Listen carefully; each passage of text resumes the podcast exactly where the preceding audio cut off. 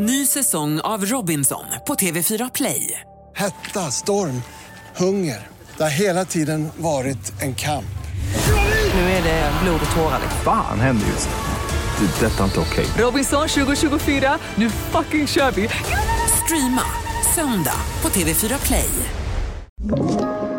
Podplay. Nej, för fan, du är inte klok.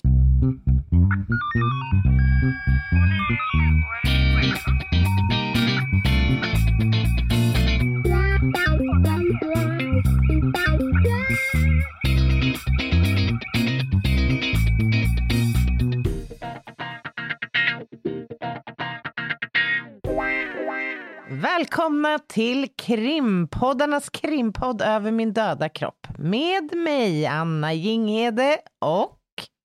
Lena Ljungdahl. Härligt. Du har fortfarande den där raspiga, Har jag det? härliga... Ja. Hörde du att jag med emfas sa över min döda kropp? ja, exakt. Ja, du börjar ju så att säga lukta lite död. ja, men alltså man kommer till någon form av brytpunkt Ja. ett visst antal dagar i samma mys-outfit, så att säga. Ja, absolut. Och, Och det feta håret och ja, du fattar. kläderna som gör ont på huden. Ja. Jag gillade också efter vårt förra avsnitt, då kom det lite olika reaktioner på din röst. Det var Ja. ju någon som jobbade som logoped som Just det. Kände smärtsen vid Mm. varje ord. Och sen hade vi ändå gruppen som tyckte att du också lät lite, lite sexigare än vad du brukar. Just det. Ja, men jag kan lugna alla lyssnare som kanske har känt oro att det här har inte åsamkat mig någon smärtse alls. Eh, faktiskt inte rösten som sådan. Nej. Nu är det bara lite efterskalv. Men du, när du har legat där hemma sjuk, Mm. är det så att du läser Brott och straff av Dostojevskij? Eller kanske Processen, Frans Kafka? Det är det sista jag vill läsa. Har du läst dem i skolan? Blev Ja, du tvingad? Brott och straff har jag blivit tvingad att läsa, men det är ju hu- cirka hundra år sedan. Men det är en Ja. bok som jag faktiskt skulle kunna tänka mig att läsa Mm. på nytt, för den ska man ha lite kläm på. Ja, någonting säger mig att man kommer ha en liten annan ingångsväg eh, än när man gick i åttan. Nu alltså. Tror du? vad är det där ens? Alltså vem kom på det? Att det här inte. är nog vad va- varje 13-åring gärna tar till sig. En tegelsten med pytteliten Ja, svår... vi har ju alla genomlidit samma böcker när vi var unga. Det var den, det var Frans Kafka-processen, Ja. det var väl också Rousseau, va? Vad hette hans, eh, den boken som alla var tvungna att läsa? Nej, Med tabla rasa. Och sen Singoalla. Ja, Dr. Glas, Dr. Glas. Ja. av Hjalmar Söderberg vill jag minnas Jajamän. att man tog sig igenom också. Mm. Och jag tror kanske att det, vi nu säger att man genomleder, men det var ju också för att man var 14, finnig och dum i huvudet. Ja, ja och, och helt fri från självbevarelsedrift. Men Ja. du, eh, jag gillar bryggan här, för det Mm. finns ju en bakomliggande tanke med din fråga där, om jag har läst mm. Och straff. Berätta, vad ska vi prata om idag? Men vi funderade på dagens avsnitt och kikade lite på listan och då mindes jag att vi har faktiskt utlovat ett helt avsnitt om påföljder Mm. på brott. Vi har ju, pratat, vi har ju varit inne och vevat i brottsbalken och vi har pratat rekvisit och hit och dit. Men vad händer då när man ska få sitt straff så att säga? Mm. Just det. Och det här ämnet går inte att angripa med mindre än att Ljungdahl kommer bli stapla olika typer av juridiska saker på varandra bara, på hög. Just det. Jag kan också se, nota bene, att du har valt en väldigt sexig titel på det här avsnittet. Påföljder. det är ändå... Man, det pirrar till. Ja, men, den kanske inte är färdigjobbad. När det här kommer ut på torsdag, då kommer ju vi ha eh, kavlat ut det där ordet det. och liksom strösslat på med något. Men det är ändå det vi ska prata om, påföljder. Ja, Är det... Vill- du sätta en definition på det? men det finns så himla många ord vissa säger, vad fick personen för påföljd? Vad blev det för straff? Vad hade vi för rättsverkan? På vilket sätt skulle personen ställas till ansvar? Så det är ju eh, för mycket ord med samma egentligen innebörd. Innebörd. Ja. Mm.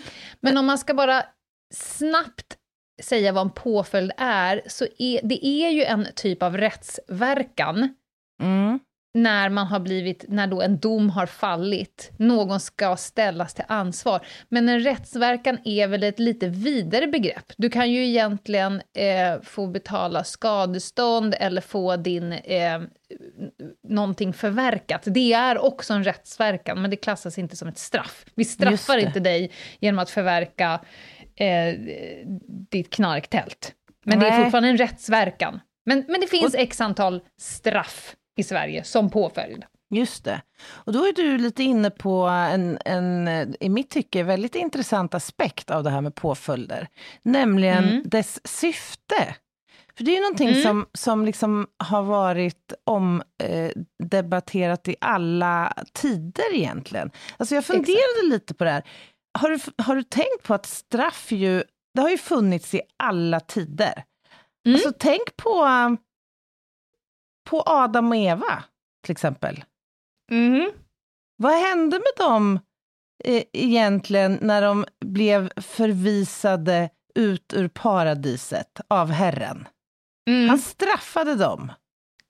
Somliga straffar Gud med detsamma. Var det därifrån det kom? Ja, säkert. Men Ja. straff har ju liksom, det har ju fungerat historiskt som ett reaktionsmedel egentligen Mm. ju. Alltså genom hela vår historia, eh, historia så har det funnits en massa olika varianter. Vi har ju varit inne på det här i något tidigare avsnitt med olika typer av då, om vi använder begreppet straff. Allt ifrån, Mm. vad har vi, dödsstraff, stympningsstraff, spöstraff, ristraff, eh, Mm. böter, Skampåle. ban- skampåle, bannlysning. Ja. Och det var egentligen inte förrän på 1800-talet som eh, liksom vetenskapen började attackera det här och bidra med lite förståelse för alltså det som vi idag lutar oss mycket mot när vi för vår kriminalpolitik till exempel. Alltså för Mm. kriminella beteenden och hur straff egentligen fungerar.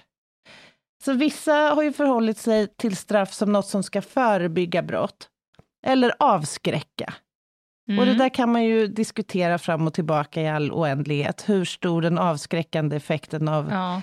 långa fängelsestraff är till exempel. Du, kan du tänka dig diskussionerna i grupprum 3, termin 1, kriminologiprogrammet?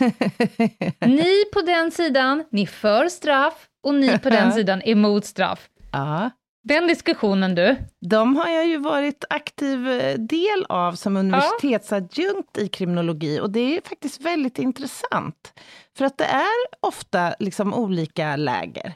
Vissa är Mm. väldigt övertygade om att, att eh, straff kan verka avskräckande, medan andra menar att nej, men de, de ska bota eller korrigera beteenden eller kanske rent utav skydda samhället.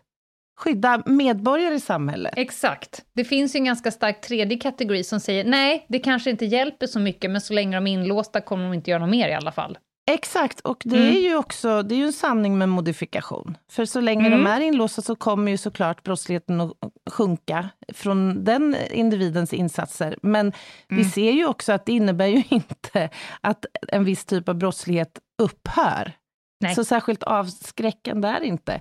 Men det finns också en grupp till som utmärker sig i de där sammanhangen. Och det är ju det att vi har ju haft ganska grymma straff i Sverige, faktiskt, historiskt. Eh, men idag så anser ju väldigt många att vi rent utav har för milda straff. Mm. Det är en ganska stor grupp i samhället som anser det. Ja, men som skriker efter straffskärpning. Exakt. Eller att man åtminstone använder hela den straffskalan som finns. Ja, men exakt. Mm. Exakt.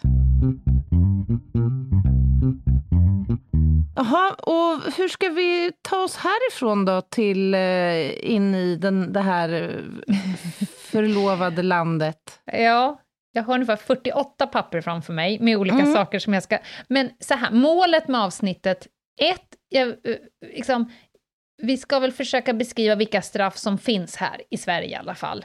Ja, det tycker De. jag. Och också kanske lite hur man kommer fram till dem. Vad är det som gör att en person får 30 dagsböter och en annan person får eh, vård med särskild utskrivningsprövning? Alltså, Mm. hur går den där processen till? För det kan jag säga på en gång, vi kommer absolut inte att hinna med att gå igenom varje påföljd och all lagstiftning som styr dessa påföljder. Det är omöjligt. Vi skulle kunna prata en he ett helt avsnitt om bara fotboja. Det kommer vi kanske göra en vacker dag. Är det alldeles tokigt att föreslå att det här skulle kunna bli eh, kommande sommars eh, följetong? Vi skulle kunna göra en följetong i tio delar om påföljder bara. Fy fan. Ja, alltså nu, om vi testar dem. Anna sitter i finkan en vecka. ja, Lena jobbar fotboja. Ja, ja. ja. Husarrest, det är för sig dröm för mig. Anna åker på fotboja med husarrest. Åh, Inte kul. Inte roligt. Nej. Nej. Det är kanske det som är det nya. Nu vart jag väldigt så här eh, peppad. Om man nu tänker att ett straff ska liksom eh, att det på riktigt ska vara ett straff, då kanske man ska göra lite djupintervjuer med personen och lista ut liksom, vad är egentligen ett straff för Lena? För dig, ja. Ja, precis. Hon måste sitta mitt i fältan Ja, och, och prata med folk en månad. ja. Straff. Lena måste eh, vara ensam hemma en månad. Dröm. är du med? Ja, men jag tycker att även om det är lite flams och trams så tycker jag att det är intressant det du ändå säger. För att det måste ju finnas någon tanke bakom de påföljder som Mm. vi har valt att luta oss mot i Ja. vårt eh, system. Och också hur, hur olika det kan slå. Det är ju garanterat så att en person som får 30 dagars fängelse kommer uppleva det på ett helt annat sätt än en annan typ av person. Ja, ja såklart. Mm. Mm. Och då kommer ju den här kören skrika, det skulle du ha tänkt på lite tidigare, innan du begick ett brott. Ja, men alltså det finns ju en ganska stark... Ja. Nåväl, och sen så eh, gällande fängelse, vi kommer komma till det, men det, det finns ju väldigt många som tror att det är som att bo på hotell, Mm. att sitta i svenskt fängelse. Så att vi kommer senare framöver ha ett helt avsnitt med kriminalvården. Mm. Livet bakom muren, typ, Mm. avsnittet. Mm. Superspännande. Nej, men jag tänker så här, vi börjar med, för att man ska få en påföljd, ett straff, så måste någonting ha vunnit laga kraft. Och Mm. det är ett sånt där uttryck, att nu har den här domen vunnit laga kraft. Och bara för att beskriva det, det betyder egentligen att tiden för överklagandet har gått ut.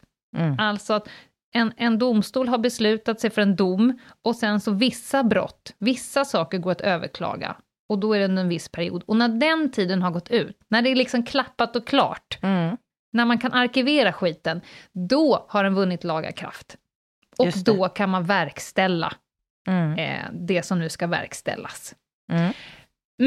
Eh, och i Sverige finns det följande påföljder som man kan då dömas till. Till exempel böter, kommer vi komma in på, villkorlig dom, skyddstillsyn, fängelse, olika typer av vård och samhällstjänst. Och för att inte eh, glömma, dessa eh, straff och påföljder kan då kombineras med varandra på Mm. en väldig massa olika sätt.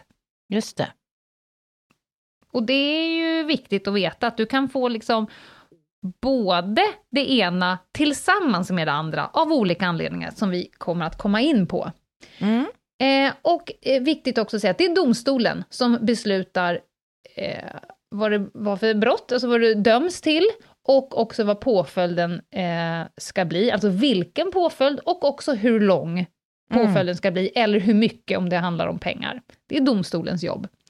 Mm. Och eh, som ni hörde så rabblade jag inte upp dödsstraff i Sverige. Nej, det tycker jag ändå. Det, tycker jag Det ändå fräscht. känns, det känns bra att du inte gjorde det. För det är Ja. ju inget vi tillämpar i Sverige. Nej, men det finns länder som gör det. Ja, det gör ju det. Mm. Och jag vet inte om vi ska öppna eh, Pandoras Det känns som att vi har varit där och i alla fall sagt vår ståndpunkt vid ett par tillfällen. Ja, det har vi. Jag är inte en förespråkare av dödsstraff, Nej, kort och gott. och vi kan snabbt konstatera att känslolivet kan ibland vara det. Absolut, det kan Mm. det vara. Jag kan, jag kan se mig själv flå en och annan. Levandes, syra gruppen. Men jag plockar upp det intellektuellt och tänker, nej, det är inte så vi ska jobba i det här landet. Just det. Jaha, men jag tänker så här. Om vi ska ta och börja i ändan. Eh, Jag tänker att jag börjar baklänges. Eh, I bakändan, Mo- så att all- säga. mi- mitt emot vad jag hade tänkt. Nej men så här, hur bestämmer man ett straff? Jag börjar där. Mm. Och då måste man ju först bestämma brottet. Det är det domstolen gör. Vad pratar vi om för brott? Och då Mm. går man in i brottsbalken. Vi har ju tidigare beskrivit att brottsbalken är uppbyggd på tre delar.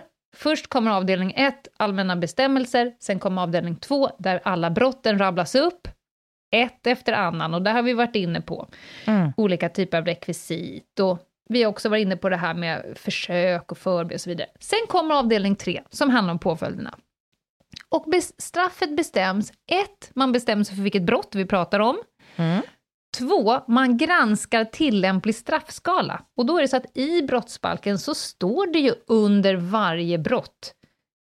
Den som har gjort det här, genom det här och det här, döms och sen så för brottet, då kan det vara, inte vet jag, misshandel Mm. till, och då brukar det finnas en liten skala där. Det kan stå från böter till fängelse sex månader, eller det kan stå fängelse från ett år till fyra år. Det är liksom olika för olika brott. Så då kollar man så här, här har vi den tillämpliga straffskalan. Det är här vi ska vara och veva, tänker domstolen. Mm. Sen går man också in i brottets straffvärde. Just det. Eh, och det eh, kommer vi att komma in på, men man kan säga så här, om man, när man ska bestö- bedö- alltså bedöma själva straffvärdet, då kollar man på massa olika saker. Man kollar på den skada, och kränkning och fara som gärningen har inneburit. Mm. Alltså hur allvarligt brottet är. Eftersom det finns en skala, om du nu jobbar, du får ta från sex månader till fyra år, då, då måste du lägga det någonstans på den här skalan, och då tar man massa saker i beaktande. Varav det där är en. Om gärningspersonen eh, borde ha insett det här, om gärningspersonens avsikter eller motiv, om det har inneburit en allvarligt angrepp på någons liv eller hälsa eller trygghet till person. Och sen kommer man då in på de försvårande och de förmildrande omständigheterna. Var på skalan ska vi lägga oss längst ner eller högst upp? Och då finns det massa försvårande omständigheter. Det som gör att vi puttar upp ditt straff. Vi jobbar i den högre skalan. Och då finns det massa intressanta punkter. Eh, till exempel att man har visat stor hänsynslöshet.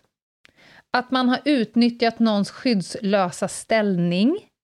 Att man har missbrukat ett särskilt förtroende. Att man har förmått någon annan att medverka till brottet genom tvång, till exempel. Mm.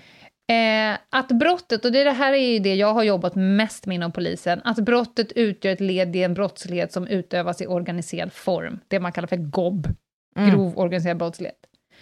Att motivet har varit att kränka en person, en folkgrupp, eh, ras, hudfärg, nationellt, etniskt ursprung, trosbekännelse, sexuell läggning, könsöverskridande identitet. Om brottet, här är en annan punkt, om brottet har varit ägnat att skada tryggheten och tilliten hos ett barn. Mm. Och sen har vi en ny punkt här. Mhm. Om ett motiv för brottet varit att bevara eller återupprätta en persons eller familjs, släkt eller annan liknande grupps heder. Mm. Den slänger de in här nu i år också. Mycket bra. Alla de här är ju då försvårande omständigheter som puttar upp påföljderna och straffen. Fråga där. Eh, om man är återfallsförbrytare, om man har Mm. dömts för såna här brott tidigare, som Mm. man nu ska eh, avtjäna ett straff för, Mm. anses det vara en försvårande omständighet? Att man Tackar, återfaller, tackar. återfaller? Vid straffmätningen skall rätten, utöver brottets straffvärde, i skärpande riktning ta hänsyn till om den tilltalade tidigare gjort sig skyldig till brott. Mhm. Varsågod. Det vill säga, eh, eh, if you fool me once, shame on eh, you. If you fool me twice, jag kommer kasta dig i finkan. Go to prison. Ja. Exakt. eh, nej men, och sen så finns det då en väldig massa förmildrande omständigheter. Mm. Till exempel eh, om brottet föranletts av någon annans uppenbart kränkande beteende. Alltså om din, ditt brott är någon form av reaktion på att du Just själv det. har blivit... Ja. Mm. Eh, om den tilltalade till följd av en allvarlig psykisk störning haft nedsatt förmåga att inse gärningsinnebörd. Mm. Om den tilltalades handlande stått i samband med hans eller hennes bristande utveckling, erfarenhet eller omdömesförmåga. Mhm. Eh, om brottet föranletts av stark mänsklig medkänsla. Att du begår ett brott på grund av en stark mänsklig medkänsla. Vad skulle Den det kan man kunna vara för situation?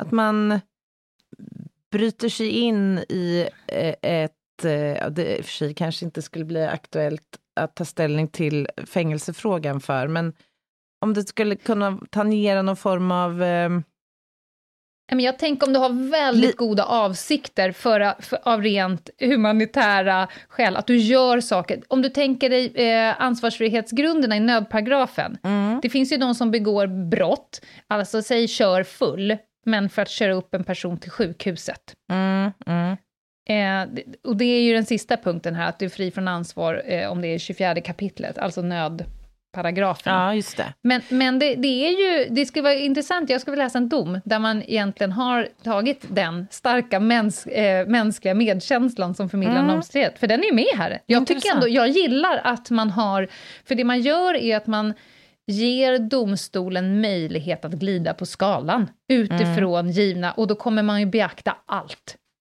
Det hör vi ju här, din egen utveckling kommer vi beakta. Ja, jag tänker genast på eh, en dom här för något år sedan. En make som hjälpte sin svårt sjuka hustru att dö, till exempel. Mm. Ja, det kanske är en sån. För det är ju inte lagligt här. Nej, det är det inte. Och personen kommer förmodligen att dömas för straffet, men kanske lägre då. Mm. På den lägre skalan. Får jag Mm. fråga också, ehm, den fysiska och psykiska förmågan hos den tilltalade eh, att faktiskt avtjäna ett straff, Mm. om vi nu pratar straff som genererar fängelse. Mm. Eh, är det en förmildrande grund att en person är till exempel döende i cancer vid tidpunkten Mm. för brottet till exempel? Ja, det är det. Eh, och det finns ett gäng sådana. Eh, att man väljer då en, en lägre eller en annan, till, kanske till och med en annan typ. Eh, till exempel om du till följd av din egen brottslighet har fått en allvarlig kroppsskada. Säg att du kör Mhm. eh, vårdslöst och full, smackar in ett träd, måste amputera båda benen, eller vad vet Mm. jag. Och då var det till och med någon som, jag, apropå somliga straffar Gud med detsamma, du har ju fått ett ganska stort straff Mm, redan. man så säga. det skulle också kunna vara, eller om du är väldigt gammal, Mm. Det vill säga det är oskäligt att stoppa in dig i fängelset för att du är eh, snart död, eller var uppskrivet obotlig cancer till exempel. Mm. Mm. Eller eh, att du har försökt ställa själv till rätta, du har kommit på vad du har gjort och aktivt, det går att vis, påvisa att du har aktivt försökt ställa dina gärningar till rätta. Mm. Du har frivilligt angett dig. Eller till och med om du påverkas yrkesmässigt, till exempel om du får näringsförbud. Om du har gjort ett brott Mm, som gör det. att du får näringsförbud, då anses det vara ett straff i sig och Mm. därför får du kanske lite lägre, mindre av det andra. Men, men utifrån det du beskriver nu så kan man ju ändå få uppfattningen om att påföljderna är hyggligt individuellt anpassade. Ja, men det, det skulle jag säga. Eh, för, för det är så många punkter man går igenom, alltså eh, att bestämma brott och, och se på straffskalan, det är lite med hårdvara. Men att bestämma straffvärde, då börjar man ju glida på skala och framförallt när det kommer till att välja straff. Mm. Alltså huruvida du ska få skyddstillsyn eller övervakning eller fängelse och sådär. Det blir ju individuellt anpassat. Mm. Jag, känner, jag ser nu att mina, jag, vi hoppar ju absolut hit och dit, vilket gör att det här är väldigt intressant för mig, hur vi ska kunna komma tillbaka på banan. Men jag gillar Anna, för fan, vi Är kör det bara. någon som fixar det så är det du, Lena. Jag tar oss lite tillbaka. Gör det. Nu har vi gått igenom själva straffmätningen. Eh. Jag tar oss tillbaka hela vägen så som att i Sverige så finns det ett utgångspunkt att man ska undvika fängelsedomar så långt det bara går. Jaha, vad intressant. Vad beror det på? Ja. ja, men att man sammantaget ser att det är en ganska stor eh, ett stort ingrepp och att det kanske inte hjälper, utan att det finns, om det finns, om man kan kombinera till exempel andra påföljder med varandra, så kan det ge kanske samma goda effekt för samhället, men också chans till att individen, eh, om man tänker att det, det heter ändå kriminalvården, Mm, mm. det heter ju inte kriminalstraffsenheten. Det Precis. heter ju av, det är ett signalvärde också, tänker jag. Men, och även om utgångspunkten är att undvika fängelse, eh, för fängelse kan man få från 14 dagar upp till livstid i Sverige. Mm, mm. Eh, men tre skäl som talar för att det blir fängelse, det är att straffmätningsvärdet, om det är ett år eller mer av fängelse, alltså i straffskalan. Brottets art kan faktiskt avgöra om det blir fängelse. Det blir lite så här kutym slash praxis. Även om grov rattfylla har ett ganska lågt straffvärde, så dömer man väldigt ofta till fängelse ändå, på grund av brottets art Mm. helt enkelt. Eh, och sen så, där har vi din fråga där, återfall. Du ska få en chans att bättra dig, men om du inte tar den, ja, då kommer man trappa upp i straffen. Vi testade att ge dig villkorlig första gången, det var du jättedålig på att förvalta, så nu får du helt enkelt fängelse nästa gång. Mm. Mm. Och fängelse för vilka brott? Ja, men det står ju i, i själva brottsbeskrivningarna. Och sen så tycker jag att det är intressant nu, jag hörde senast på nyheterna idag, att det vandrar omkring en väldig massa människor ute i samhället som är dömda till fängelse och som helt enkelt går runt och väntar på Mhm. att få avtjäna. Det är fullt! Är det sant? Mm. Och det kan ju jag tycka är lite problematiskt. Ja. Man säger att inom tre månader ska du in och börja avtjäna. Vissa får ju gå direkt. Mm. De får mm. gå direkt från rättssalen och krypa in. De ska inte vara ute och fladdra överhuvudtaget. Men eh, tänk dig, eh, och så snart som möjligt helst, men tänk att det har gått ganska lång tid och du har typ fått ordning på Mm. livet. Mm. Och sen kommer det, just det by the way, du ska in och avtjäna en månad här nu. Det, det måste ju bli bättre att man avtjänar straff så, så tätt in på själva domen som möjligt. Det måste ju vara ett mål att få till det. Ja, det kan man ju tycka. Men jag är lite nyfiken om det här riskerar innebära så att, att våra fängelser är överfulla, om det riskerar Mm. för, förskjuta våra påföljder mer till det vårdande perspektivet. Ja, på grund av att man helt enkelt inte har platser. Ja, Ja, varför inte? eller kommer det byggas eh, nya fängelser på löpande band? Alltså, dubbelbeläggning är väl ingen toppen situation att Det trava på hög. nej. Nej. om man nu dessutom ska försöka vårda. Det bästa vore väl om folk gav fan i att begå brott Ja. som bör ge fängelse på straffskalan. Men om de nu ändå håller på att göra det, då bör vi då kanske ha ett samhälle där man också kan ta emot det, så att man kan börja avtjäna Mm. i tid efter brottet, efter Mm. lagakraftvunnen dom. ja, verkligen. Sen har vi det här att folk blir så irriterade att man kommer ut efter två tredjedelar. Mm. Det står ju faktiskt så, rakt upp och ner. Det ska vara minst 30 dagar, så det är aldrig under eh, 30 dagar. Men du kan alltså komma ut efter två, tre, eller du ska ut efter två tredjedelar. Då kommer du att friges villkorligt. Mm. Och vi, friges villkorligt, det betyder att du kommer ha en prövotid för resterande av din tid. Så kommer du ut, om du fick tre års fängelse, du kommer ut efter två år, då kommer du ha en prövotid sista året. Mm. Och prövotiden är alltid minst ett år. Just Så det. ett år eller uppåt. Och om du flunkar där då? Ja, eh, om du flunkar där, Mm. eh, då kommer det inte bli något bra. alltså, dels så, så kan man ju ta, du kan få vi, villkorligt tillsammans med en, eh, en övervakning. Alltså, Du måste kontakta frivården och så vidare. Sen kan du också få särskilda regler. Det är ganska uppstyrt. Kriminalvården kan ju bestämma typ, här får du bo, det här Mm. ska du göra på dagarna. Tisdagar ska du pissa, torsdagar ska du ringa Bosse. Det kan vara ganska eh, hårda straff. Och Mm. om du inte har ett gott uppförande i finkan, då kan man faktiskt få en uppskjuten villkorlig frigivning. Du, Mhm. från och med, jag tror att det var från och med i somras, eh, det vill säga om du inte deltar i det du ska delta i när du är inne på finkan, eller inte sköter dig, dåligt uppförande, då kan det bli så att du inte får komma ut efter två tredjedelar, utan då får du helt enkelt vara kvar och avtjäna resten. Ja, men det är väl ändå rimligt. Det får man väl lov att säga, att gott tycka. uppförande på något sätt ska gynnas även där. Det lär vi oss tidigt i det här samhället. Ja, de allra att flesta gott gör ju uppförande är en det. bra idé. Exakt. Sen har vi eh, den elekt- elektroniska fotbojan, IÖV. Eh, och den kan man få eh, som straff i bostad. Alltså, du kan typ få utegångsförbud. de, de, Vissa tider, du kanske till och med får gå till och från någonting, men man styr helt enkelt upp hur och när du får röra dig. På klass 3-fängelserna, då kan man även ha fotboja på sig inne på anstalten Jassa som en extra säkerhetsgrej. Och man kan också eh, få det som ett steg i utslussningen. Mm. Att nu släpper vi ut dig, nu blir det fotboja under en period för att vi ska ha extra bra koll Mm. på dig. Sen kommer det här, eh, vilka, om man är extra gammal och pratar om sjuk, att man behöver någon form av vård. Sen har vi ju rätt många som är gravida när de ska in och Mm. avtjäna. Mm.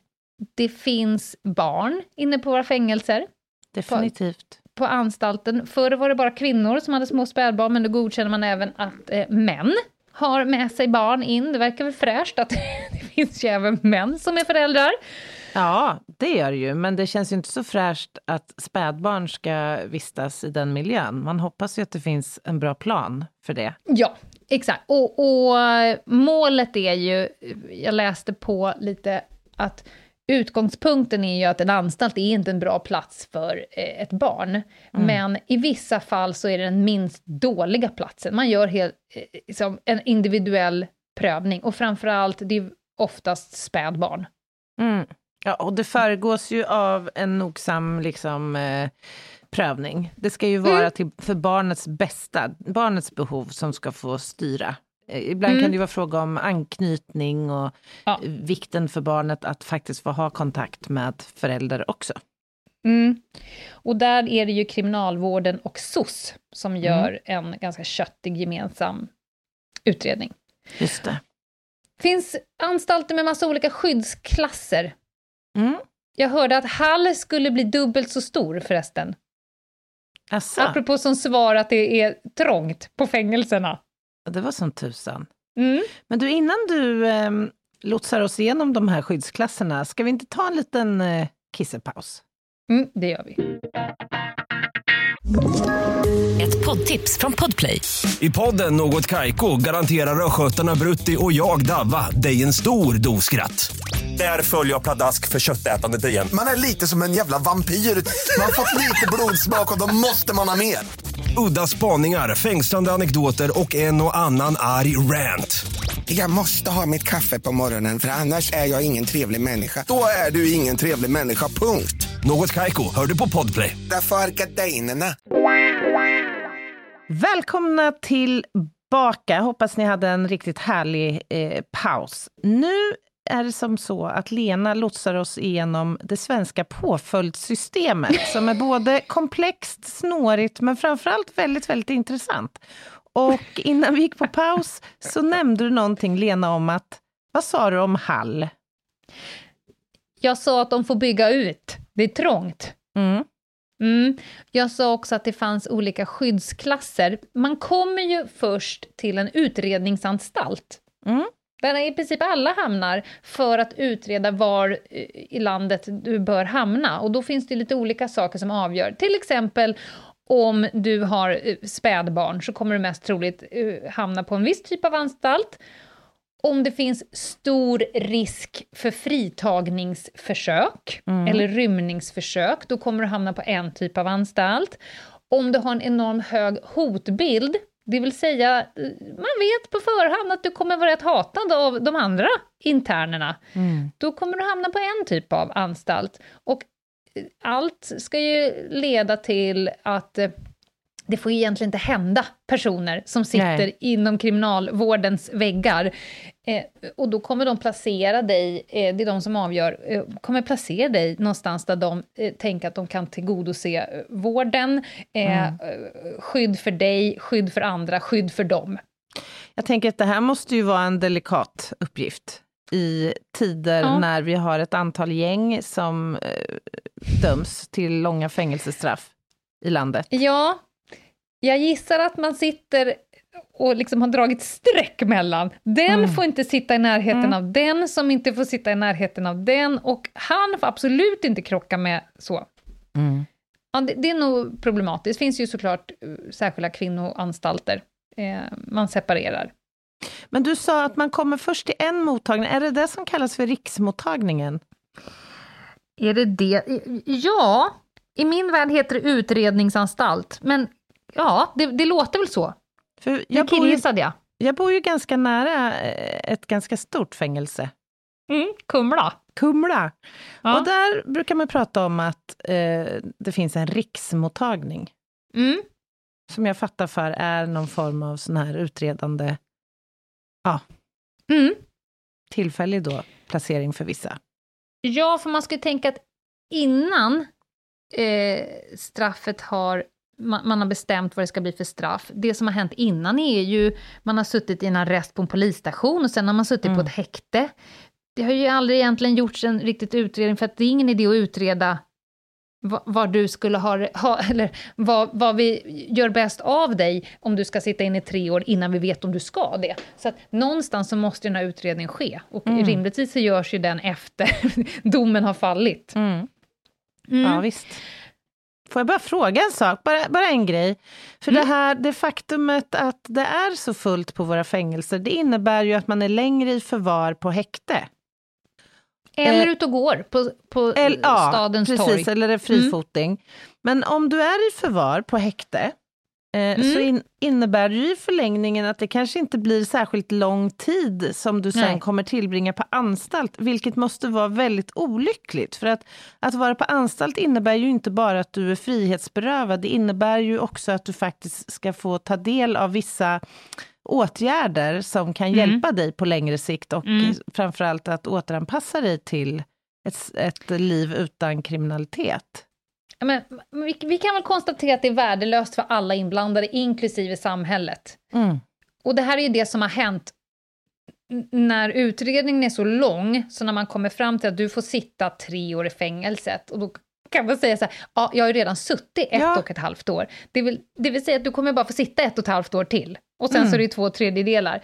Och det kan ju, det kan ju låta konstigt för folk. Men då får han ju bara sitta ett halvår. Man kommer ihåg att han varit inlåst från första dagen Mm. Mm. på ett sämre ställe, för häktet är ju ett riktigt trist ställe. Mm. Mm. Verkligen. Och det ska vara trist om man nu har begått ett Ja. brott. Du ska också tänka att människor är, de som är häktade, de är ju inte dömda. Nej, just det. Så det finns väldigt många människor som sitter i häkte också under Mm. lång tid för att till slut bli friade. Ja. Mm. Ja, men och, apropå fri, då kommer vi in på frivårdspåföljderna som de kallas. Och det är ju alltså att du blir dömd, Mm. du ska få ditt straff, men man beslutar av olika anledningar att, jag kommer gå in på val av påföljd sen, men att du inte behöver vara eh, frihetsberövad Just det. medan du avtjänar ditt straff. Och då har vi några exempel. Villkorlig dom. Det är ju, om vi ska förenkla det, att någon hytter med fingret och säger varning, warning, Mm. achtung, achtung. Och sen får du en prövotid på två år. Mm. Vi kommer nu ha ögon på dig och gör icke något dumt. För då blir det som att spela Monopol, då är det liksom tillbaka till gå. Mm. Mm. Du kan också få straffet skyddstillsyn. Då har du en prövotid i tre år, varav ett av de åren är övervakning. Eh, samhällstjänst, och det kan man ofta kombinera tillsammans med villkorlig dom. Mm. Vi, vi pratar alltså att, att jobba utan lön, som straff. Mm. Mm. Eh, Sen har vi skyddstillsyn och särskild behandlingsplan, den, den klassiska kontraktsvård. Att Mm. vi, vi har skyddstillsyn på dig, vi kikar på dig, men du måste också ingå i ett behandlingsprogram. Mm. Det är, liksom, det är det du får betala. Du måste behandla dig, eh, i många fall, drogfri. Mm. Mm. Det, det är ditt straff. Det är ett ganska fint straff, att Verkligen. bli drogfri, tänker jag. Verkligen. Och den här chansen tar ju ganska många, Mm. faktiskt, Mm. skulle jag säga. Och det eh, gör de gott i. Sen kommer vi till ett ganska trist område, om jag får säga det själv, böter. Vi behöver inte stanna så himla länge, men det finns en väldig massa olika böter. Och då eh, fattar ni att nu pratar vi inte mord längre, utan nu kryper vi ju ner eh, Mm. i allvarlighet i brotten. Några saker skulle jag säga, ordet dagsböter är inte så många som fattar. Men det, det är ju ett, ett ord för, du kan tänka dig en, en monopolpeng. Så här, nu får du betala 10 dagsböter, varav varje lapp är värd x antal pengar. Och det avgörs eh, hur mycket du tjänar. Mm. Det är inkomstgrundande, men också lite andra grejer väger man in. Till exempel om du har försörjningsskyldighet gentemot fyra barn, då räknar man liksom av det. Mm. Eh, och sen så säger man, ja ah, men då får du betala, eh, det är någonstans mellan 30 och 100, 150 stycken dagsböter. Man, det kan till och med vara upp till 200 om du har begått eh, flera olika bötesbrott. Eh, då säger man, ja ah, men nu får du betala 100 dagsböter, och så tittar man på din lön och lite vad du har eh, att- att spela med. Och så får du betala 100 dagsböter, ah, inte vet jag, 500 spänn. Mm. Och då är det bara eh, glatt och betala. Det här, är, det här är som en dom. Sen finns det något som heter straffföreläggande. Nu börjar folk kanske känna igen sig. Mm. Man kanske har begått ett litet skitbrott någon gång. Och så fick man ett brev hem som, från typ åklagaren. Då går bli, man går inte till åtal, det blir ingen rättegång, utan åklagaren säger så här, hej hej, du har begått ett brott, vi anser att utredningen är klar, nu har du två val, antingen erkänner du och accepterar straffet, och då eh, betalar du snällt, fort som tusan, det går inte att överklaga heller, eh, i vissa fall, men jag orkar inte gå in på dem. Eller så säger du så här, näpp, jag har inte begått det här brottet, jag kommer inte acceptera något straff. Då tvingar du egentligen eh, åklagaren till rättegång. Då vill du få din sak prövad i domstol, om du förnekar brottet.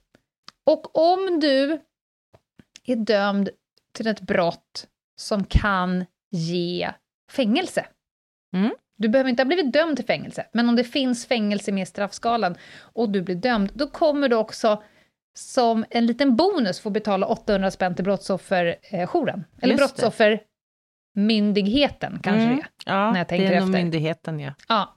Och, och, och där samlas det massa pengar för, för människor som blir eh, utsatta för brott kan faktiskt ansöka om pengar från Mm. Brottsoffermyndigheten. Mm. Och då får alla gärningspersoner kollegialt kasta in 800 spänn där. Ja, 800 spänn är ju ändå ingenting. Nej, Ibland så kan jag tycka att den där summan är bara löjlig när någon har begått eh, liksom riktigt vet. grova brott. för det är samma för alla. Ja, På min tid när jag jobbade, ja, den där har ändå höjts, för då var det eh, 500 spänn. 500, ja. Mm. Sen så, lite så här, hur väljer man då vilken av alla de här det ska bli?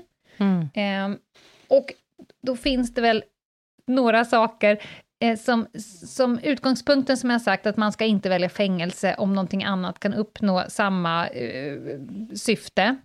Man tittar på brottslighetens straffvärde och art. Och man tittar på om den personen har tidigare gjort sig skyldig till brott. Man tittar också på om personen har gjort brottet under en allvarlig psykisk störning och då ska man då i första hand välja en annan påföljd än fängelse.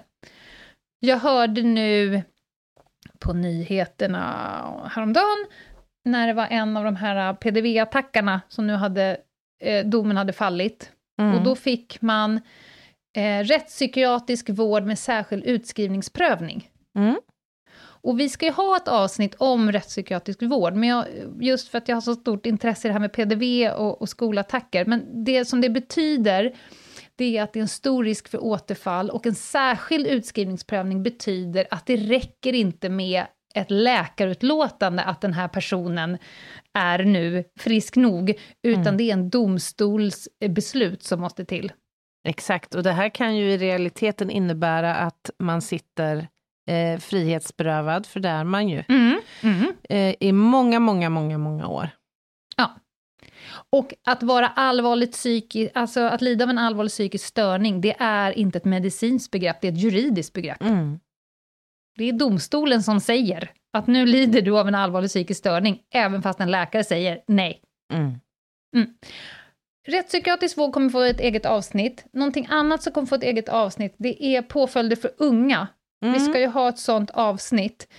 För där, om man är under 21 så finns det särskilda påföljder att välja. Ungdomsvård, ungdomstjänst, eh, sluten ungdomsvård, eh, ungdomsövervakning. Så det, det, för det blir alldeles för light version att ta här idag. Mm. Tror att jag har uppnått eh, insikt och förståelse i det här. Det tror jag alldeles säkert att du har gjort. Alltså det här är ju ett gigantiskt område Mm. egentligen. Det slår mig nu när jag har lyssnat på dig att gud vad mycket det är man inte kan om det här.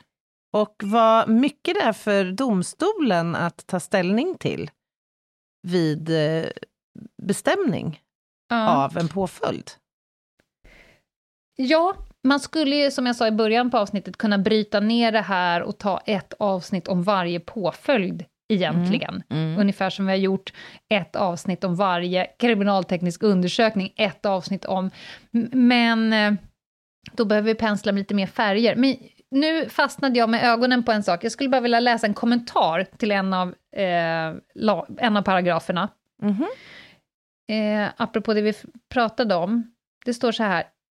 Inte förrän ett fängelsestraff kommer upp till ett år eller mer skall en person dömas till fängelse. Fängelse ska vara sista alternativet och kriminalvård i frihet skall föredras. Samtidigt får man beakta hur ingripande en alternativ påföljd är för den tilltalade om den inte döms till fängelse där skyddstillsyn är det alternativ som står närmast till hands före fängelse. Och det kan i sin tur kombineras med böter som gör det lite mer ingripande. Mm. Eh, och sen så finns det ett HD-uttalande, alltså Högsta domstolen, Ja. där det står det råder allmän uppfattning att frihetsstraff ofta verkar nedbrytande för den dömde och överhuvudtaget har övervägande negativa effekter för den som straffas. Well, det förstår man ju. Mm. Och att den inställningen ligger bakom flera ändringar i brottsbalkens påföljdssystem. Vari- Varigenom HD hänvisade så finns det en proposition. Med denna förutsättning som stöd uttalade HD att som en grundläggande princip vid påföljdsval får anses gälla att frihetsstraff så långt som möjligt skall undvikas, framför allt när det är fråga om, om unga lagöverträdare. Så att vi har en ganska stark filos- rättsfilosofi. Mm. Att Som- ska du kastas in i fängelse, då ska du göra det väl grundat och som sista utväg. Men sett till brottets art, eh, hänsynslöst beteende, lite andra kriterier och också eh, liksom straffvärdet, så är ju fängelset ibland det enda eh, sättet att döma.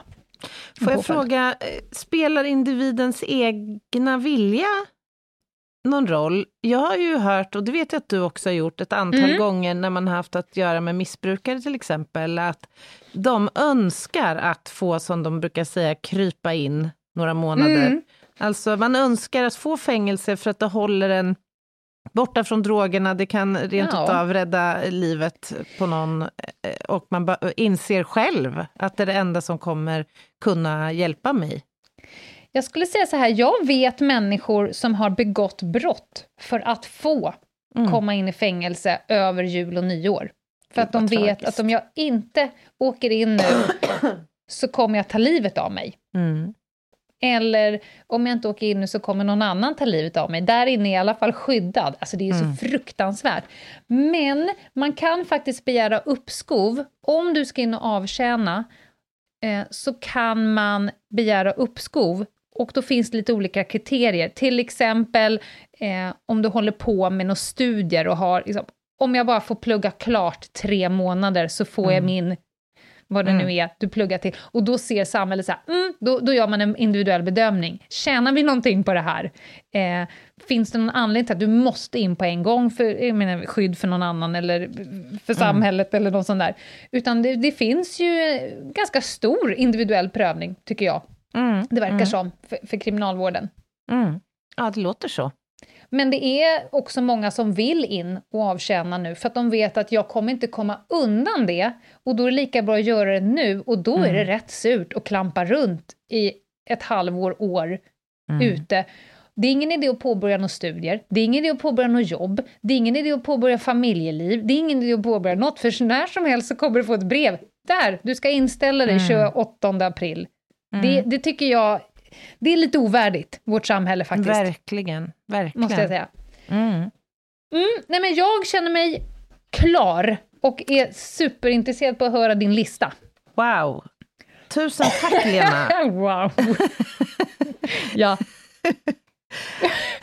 den, där kom, den där kom ner från tårna.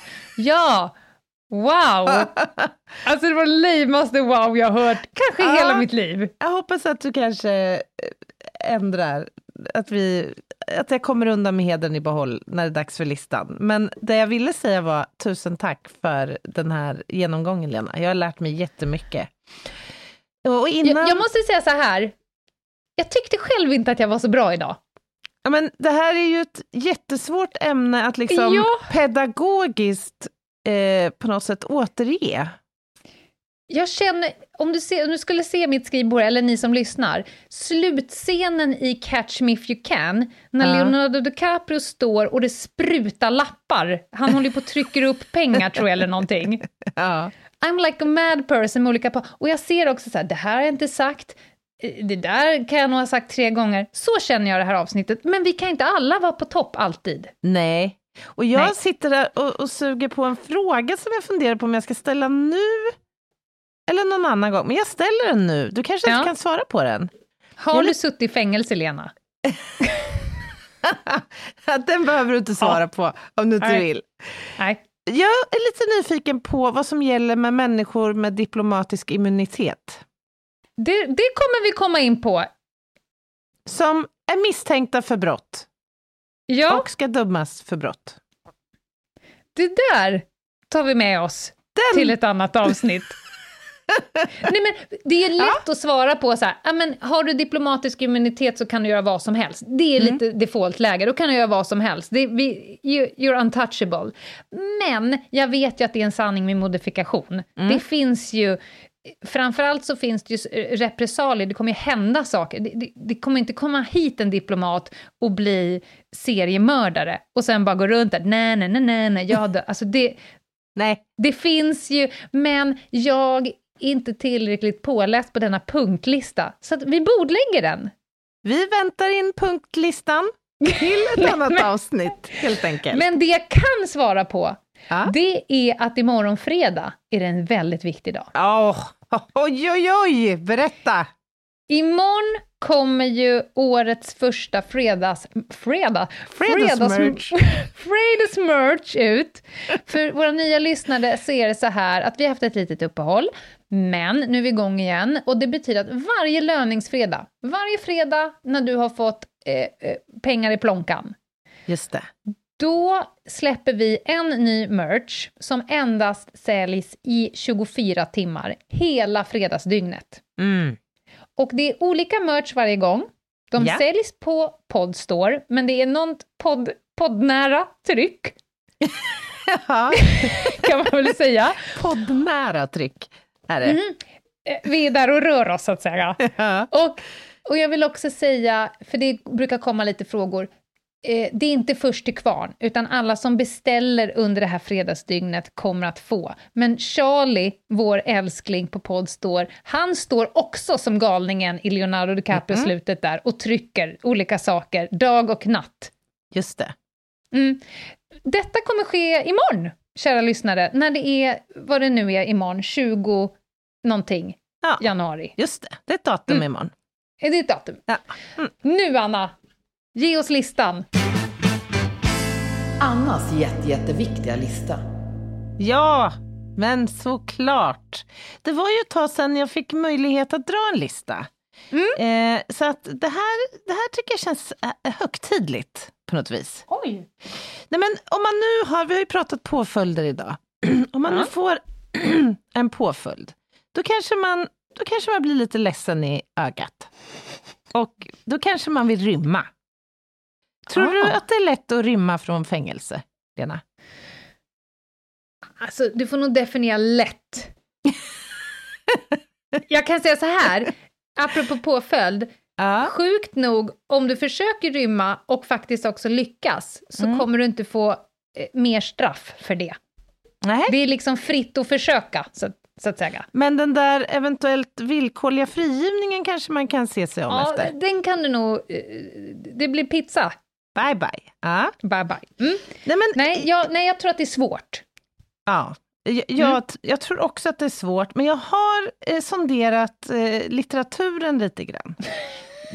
Ett tio har varit nyfiken på vilka strategier som man kan välja, om man nu ändå går Ja. i sådana här tankar. Ja. Eh, och det här är inga hemligheter och jag vill verkligen betona att jag inte på något endaste vis uppmuntrar människor att försöka avvika från anstalt. Men, men ändå.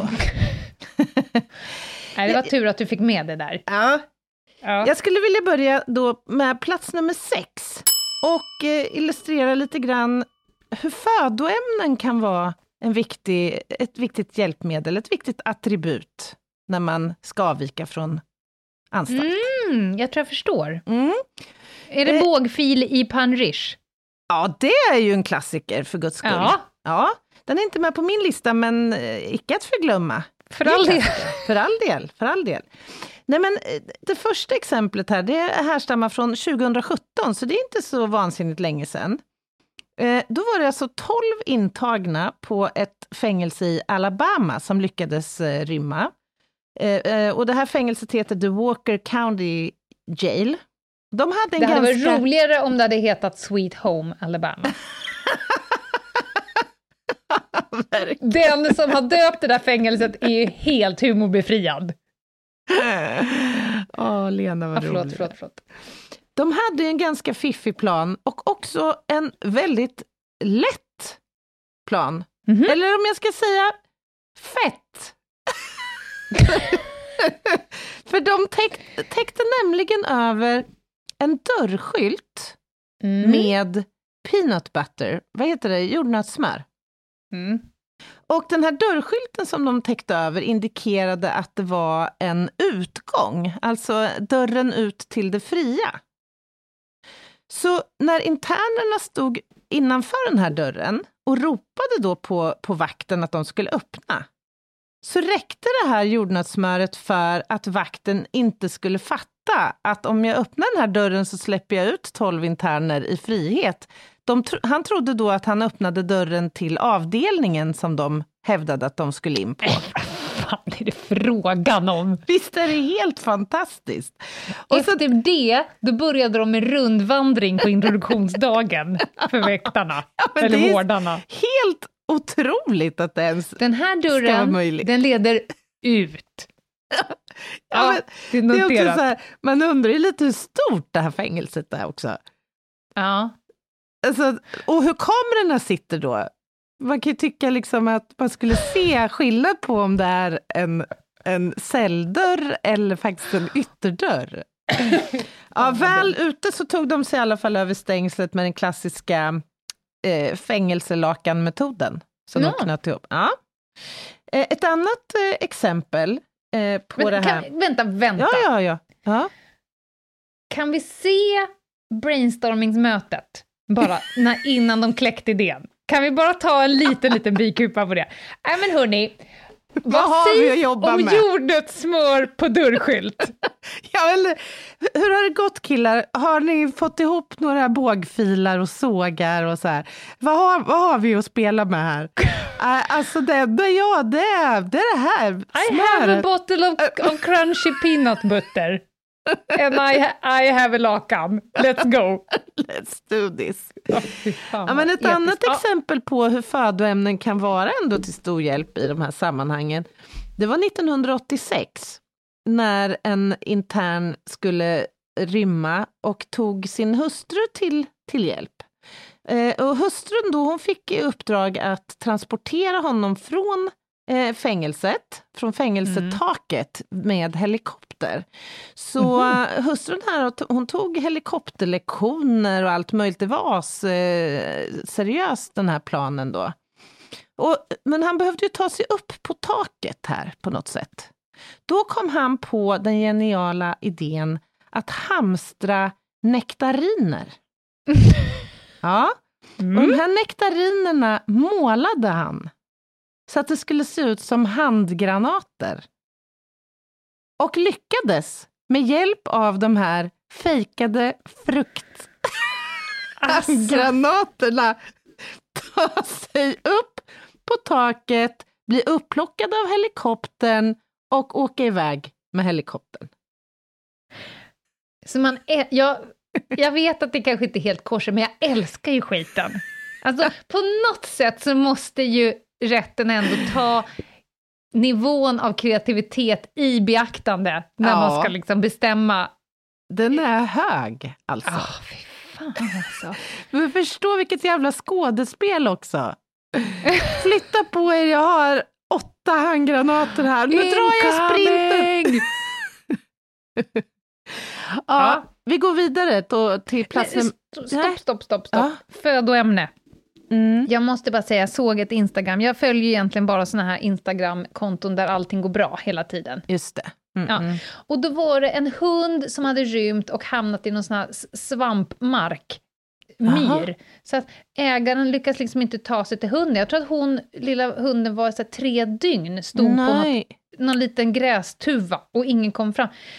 Och de tänkte att hunden måste springa till oss, men den vägrade för vi kom inte dit. Nej, nej, en, ett geni fäster då ett snöre med en hotdog under en drönare, kör in drönaren med en hängande korv, Nej, så att, så att hunden får liksom vittring på korven och studsar från tuva till tuva jagandes korven in i Mattes famn, dygn tre. Nej men alltså jag bölade ju så jag var tvungen att byta örngott på kvällen. Men det är så helt fantastiskt. Ja, verkligen. Ja, verkligen. Det var också en escape kan man säga. ja visst. Plats nummer fem. Nu ska vi ner i maskeradlådan. Mhm. Vi ska prata om utklädning.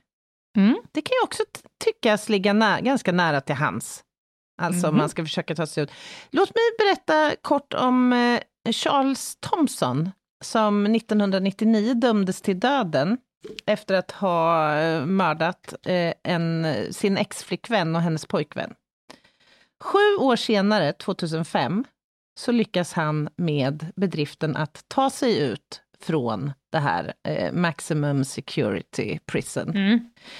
Eh, och det här, han, han använde sig av en metod som nog eh, orsakade en och annan bikupa på, på den där arbetsplatsen också, tror jag. Eh, det började med att han skulle ta emot ett besök. Han satt i fängelse i Texas för övrigt. Och det var då Thomsons advokat som skulle besöka honom. Mm. Efter, eller under det här besöket så lyckas på något sätt Thomson låsa upp sitt hand, handfängsel, byta fängelsedräkten till civila kläder, Näm, Mm. närmare bestämt kakibyxor, ljusblå skjorta och tennisskor. Mhm. Och sen travade han helt sonika ut i entrén med ett förfalskat identitetskort i handen, som Mm. påvisade då att han skulle komma från åklagarmyndigheten. Mm, tackar, tackar. Ja, och de släppte ut honom. Han greps sedermera efter tre dagar på fri fot. Men ändå, ganska... Det här är snubblande nära ett skarpt ärende i Stockholm. Jaså, Där det var, ja, under den tiden jag jobbade i Skärholmen, då hade vi ganska stora problem med två tvillingbröder Mhm. som begick brott på löpande band. Den ena och den andra. Och man var tvungen att ha dem absolut stående bredvid varandra för att kunna eh, skilja på dem. De, Ja. de var identiska. Och den ena satt, och den andra hade ju då eh, anmält, eh, skulle få besök. Mhm. Och sen så när de var klara med besöket så gick ju brorsan ut. Och då tog det en halvtimme och sen knackade på dörren. Hej, hej! Det är inte jag som ska sitta här. Då har de ju alltså bytt kläder i rummet Nej. och också bytt... Det var någon som hade typ ett plåster i pannan, så de har liksom bytt kläder snabbt, bytt, satt plåster på en annan, Nej. gått ut. Och det enda som händer då, man kan ju inte behålla brorsan som inte ska sitta Nej, inne det som gisslan. Som- utan man måste släppa ut, när man väl hade lyckats via typ DNA identifierat att det, den, här, den här ska inte sitta inne, Nej. då var man ju tvungen att släppa ut honom och efterlysa den andra. De bytte Nej. plats.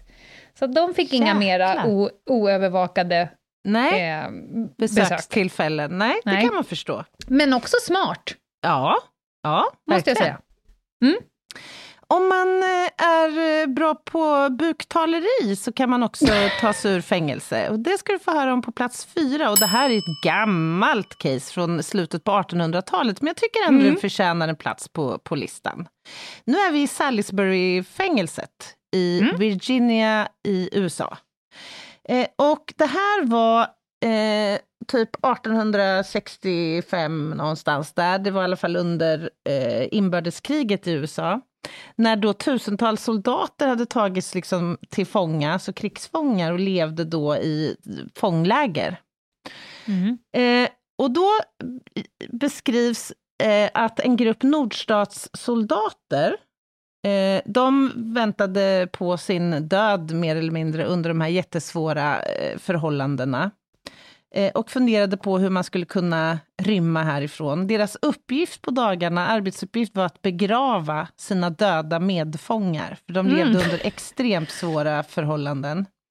Så varje dag så släpar de då lik till kyrkogården som låg precis i anslutning till fängelset och de var ju då strängt bevakade.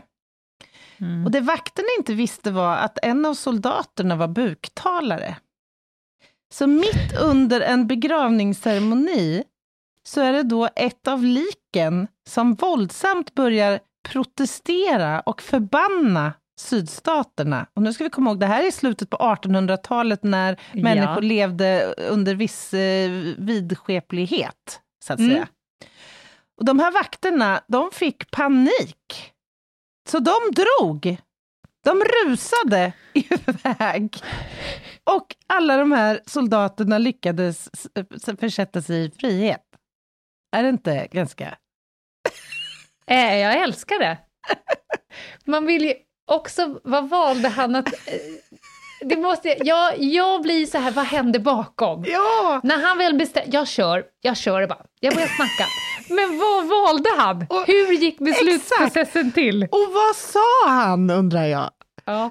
Ooh. Ooh. jag... oh. Nej, jag kan inte. Jo, snälla försök lite till. Det var fantastiskt roligt. Ja, men, så här, är det något man kommer på direkt bara att jag gör det nu bara? Han freebasar. Ja. Ja. Det måste ju vara Ja, det lite måste- ja. spök, lite så här ho, ho, lite... det är jag, lite det är jag den döde som talar. Det måste ju vara någonting i det. Har du kommit för att hämta mig? Nej, jag är redan död. Ja. Det är för sent. Du kan hämta någon annan nu. Släpp fångarna fria eller så kommer jag hemsöka dig för alltid. Plats nummer Gud, tre. Nu pratar Ja. vi lite om genier som har brutit sig ut. Låt mig berätta om eh, John Sparks som Ja. eh, eh, satt i fängelse på 40 1940-talet i Dartmoor-fängelset i England. Eh, han var mästare, han var känd för att kunna dyrka upp lås. Han var Houdini. grymt vass på det. Ja, exakt. Mm. Eh, och ehm, han började fundera på möjligheterna att försätta sig i frihet här. Han konstaterade då när han inspekterade sin närmiljö att vägen till frihet den gick via fem låsta dörrar. Och bara en person hade nycklar till alla fem dörrar, nämligen vaktchefen. Som, och han häng, hade då som en sån här klassisk nyckelknippa, du vet, i sin livrem. Mm. Då kom han på den geniala idén att han skulle chitterchatta med vaktchefen här i tid och otid. Och det gjorde han. Och samtidigt som han gjorde det så studerade han diskret nycklarna. Och åt, när han kom tillbaka då till sin cell på kvällarna, då började han rita skisser över alla fem nycklar. Sen stal han stål, bågfil och någon eh, annan lite grövre fil och rep i fängelsets verkstad. Rasp. Jag tror det var en Raspen, ja. rasp. Mm. Precis. Och började tillverka då kopior av de här nycklarna och lyckades tillverka fem kopior som tog honom dörr efter dörr efter dörr ut i frihet. Men den jäveln är ju värd att vara fri. Ja, men det är det jag säger! Vilket jävla geni! Skapligt! Istället för så jävla puck och ligga och skrapa i en golvlist med en sked. Det är liksom inte kreativt. Nej, skapligt vasst ändå att kunna så här memorera varenda liten detalj i ett nyckelämne. Ja, det är Mm. bra. Plats nummer två, där kan man bara, det är en kortis innan vi kommer till ettan. Jag funderar bara på varför vissa gör det så svårt för sig när man kan göra... Minns du Johan Ursut för övrigt? Mm. Som lyckades ta sig ut på, i, genom ett hål som var typ 17 gånger 45 centimeter stort eller något. Mm. Det finns ett, eh, ett nyare exempel på det och det är en eh, kille från eh, Sydkorea som eh, lyckades ta sig ut genom eh, matluckan i celldörren. Men sluta! Vad Han fick är- de för mat? Spädekaka! Ja, för Spädekaka. helvete, här kommer spädekaken. Hålet är liksom 70 gånger 100. Ja, det är helt sjukt. Han kallas för den koreanska Houdini. Och han har varit yogainstruktör i 23 år. och han lyckades alltså pressa sig ur, jag har sett bild på den här matluckan. Alltså den är inte stor. Det, vad kan den vara? Alltså vi snackar kanske ett par decimeter lång och någon Ja. decimeter hög. Det är det sjukaste man har sett. Men hade han inte ett, ett huvud? Jo, fråga mig inte hur han lyckades. Han måste ju ha oljat in sig på något sätt. Kanske peanut butter? Ja. Jag ser framför mig han i Oceans eh, Eleven. De har ju en sån här eh, som kan knö ihop sig. ja, just det. Det är ju en, sån med. Yoga master, ja. En ja. yogamaster, ja. ja, ja. Mm. Plats nummer ett. Vi måste ju ändå säga någonting om de här mer bombastiska rymningsförsöken. Mm. Några har ju lyckats, alltså flykten från Alcatraz. Vem Mm. Minns inte de filmerna och den rymningen som skedde 1962 och som resulterade i att tre interner lyckades ta sig ur. Alltså det var ju en jädra avancerad historia Det får man väl egentligen. lov att säga. Nu är vi ju med de här små skedarna och skruvmejslarna de hade fått tag i som de satt och hackade sig eh, Mm. ut till friheten med. Mm. Du kanske även kommer ihåg um, Shawshank Redemption, alltså Nyckeln till frihet. Just det. Ja, Riktigt bra film. mycket bra. Jag skulle vilja säga att det är topp tre bästa filmer jag någonsin har sett. Mm. Eh, du kanske minns att huvudpersonen där, Andy, han lyckades ju, han lyckades ju rymma. Eh, Mm. Ganska, alltså också på ett ganska storslaget sätt. Han lyckades ju alltså ta sig ut via kloaken. Mm. Eh, och eh, försätta sig då i, ute i det fria. Och det här finns det ett ganska nytt exempel på en person som då försökte göra en copy-paste på Andy i Shawshank Redemption. Mm. Han började försöka då vidga ehm, öppningen till avloppet till, under sin toalett i cellen. Mm. Mm. Och han, he goes for it, så att säga. En kväll ja. så känner han, jag gör det nu bara. Men det bar sig inte bättre än att, för det första så var ju avloppet det var ju fullt med human feces, så att säga. Det var ju avföring och det var allt möjligt från alla hans granninterner nu som han skulle Mm. dyka ner i. Mm. Och det här gör han i bara mässingen. Och fastnar. Mm. Mm. Han, han tog ett dyk rätt ner i kloaken, så att säga, och fastnade där och behöver ropa efter hjälp, för att han kom varken ut eller in. Alltså, ja. Mm. Ja, Han kunde inte se den komma. det är ju det man funderar på. Alltså, man, men samtidigt så måste jag ge honom att jag förstår ju hur innerligt gärna han vill komma ifrån den plats han befinner sig på. Absolut. Om man nu väljer att dyka ner i, ja, i, i den här, i bajsröret, så att säga. I bajsvattnet, så att säga. Mm, mm, mm. Mm. ja. Okej. Ja, Usch. nej, håll er där ni ska vara, för guds skull. Förslagsvis utanför finkan. ja, det är det bästa. Och om ni åker in, smuggla med er en burk jordnötssmör. För det, jag fastnade ändå vid att det där måste varit den lättaste. Och bara, kan du släppa ut mig? Det här, den här dörren är inte dörren ut, som du kan se. Utan det här är en annan dörr. Ja, men det är tolv stycken också som står och ropar på vakten. Kan du släppa in oss till våran ward, liksom? Han bara, ja, ja, han måste ha haft en jävligt då. dålig dag på jobbet alltså. Ja. Mm. Ha, tack Anna, det var en fantastisk lista. Ja, tack själv. Och ehm, merchen imorgon, som sagt, kika in på Instagram också, det tror jag inte vi sa, Ljungdahl och Ginghede. Det finns ju bilder på merchen redan. Just det, Mm. det är det. Ta hand om er. Ja, gör det, tycker vi. Så hörs vi sen. Ja, det gör vi. Bye! Hej!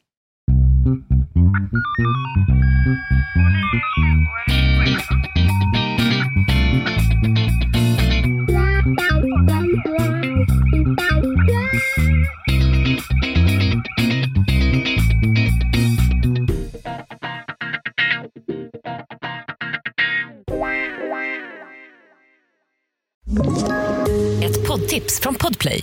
I podden Något Kaiko garanterar östgötarna Brutti och jag, Davva, dig en stor dos skratt. Där följer jag pladask för köttätandet igen. Man är lite som en jävla vampyr. Man har fått lite blodsmak och då måste man ha mer. Udda spaningar, fängslande anekdoter och en och annan arg rant. Jag måste ha mitt kaffe på morgonen för annars är jag ingen trevlig människa. Då är du ingen trevlig människa, punkt. Något Kaiko, hör du på Podplay. Därför är gardinerna.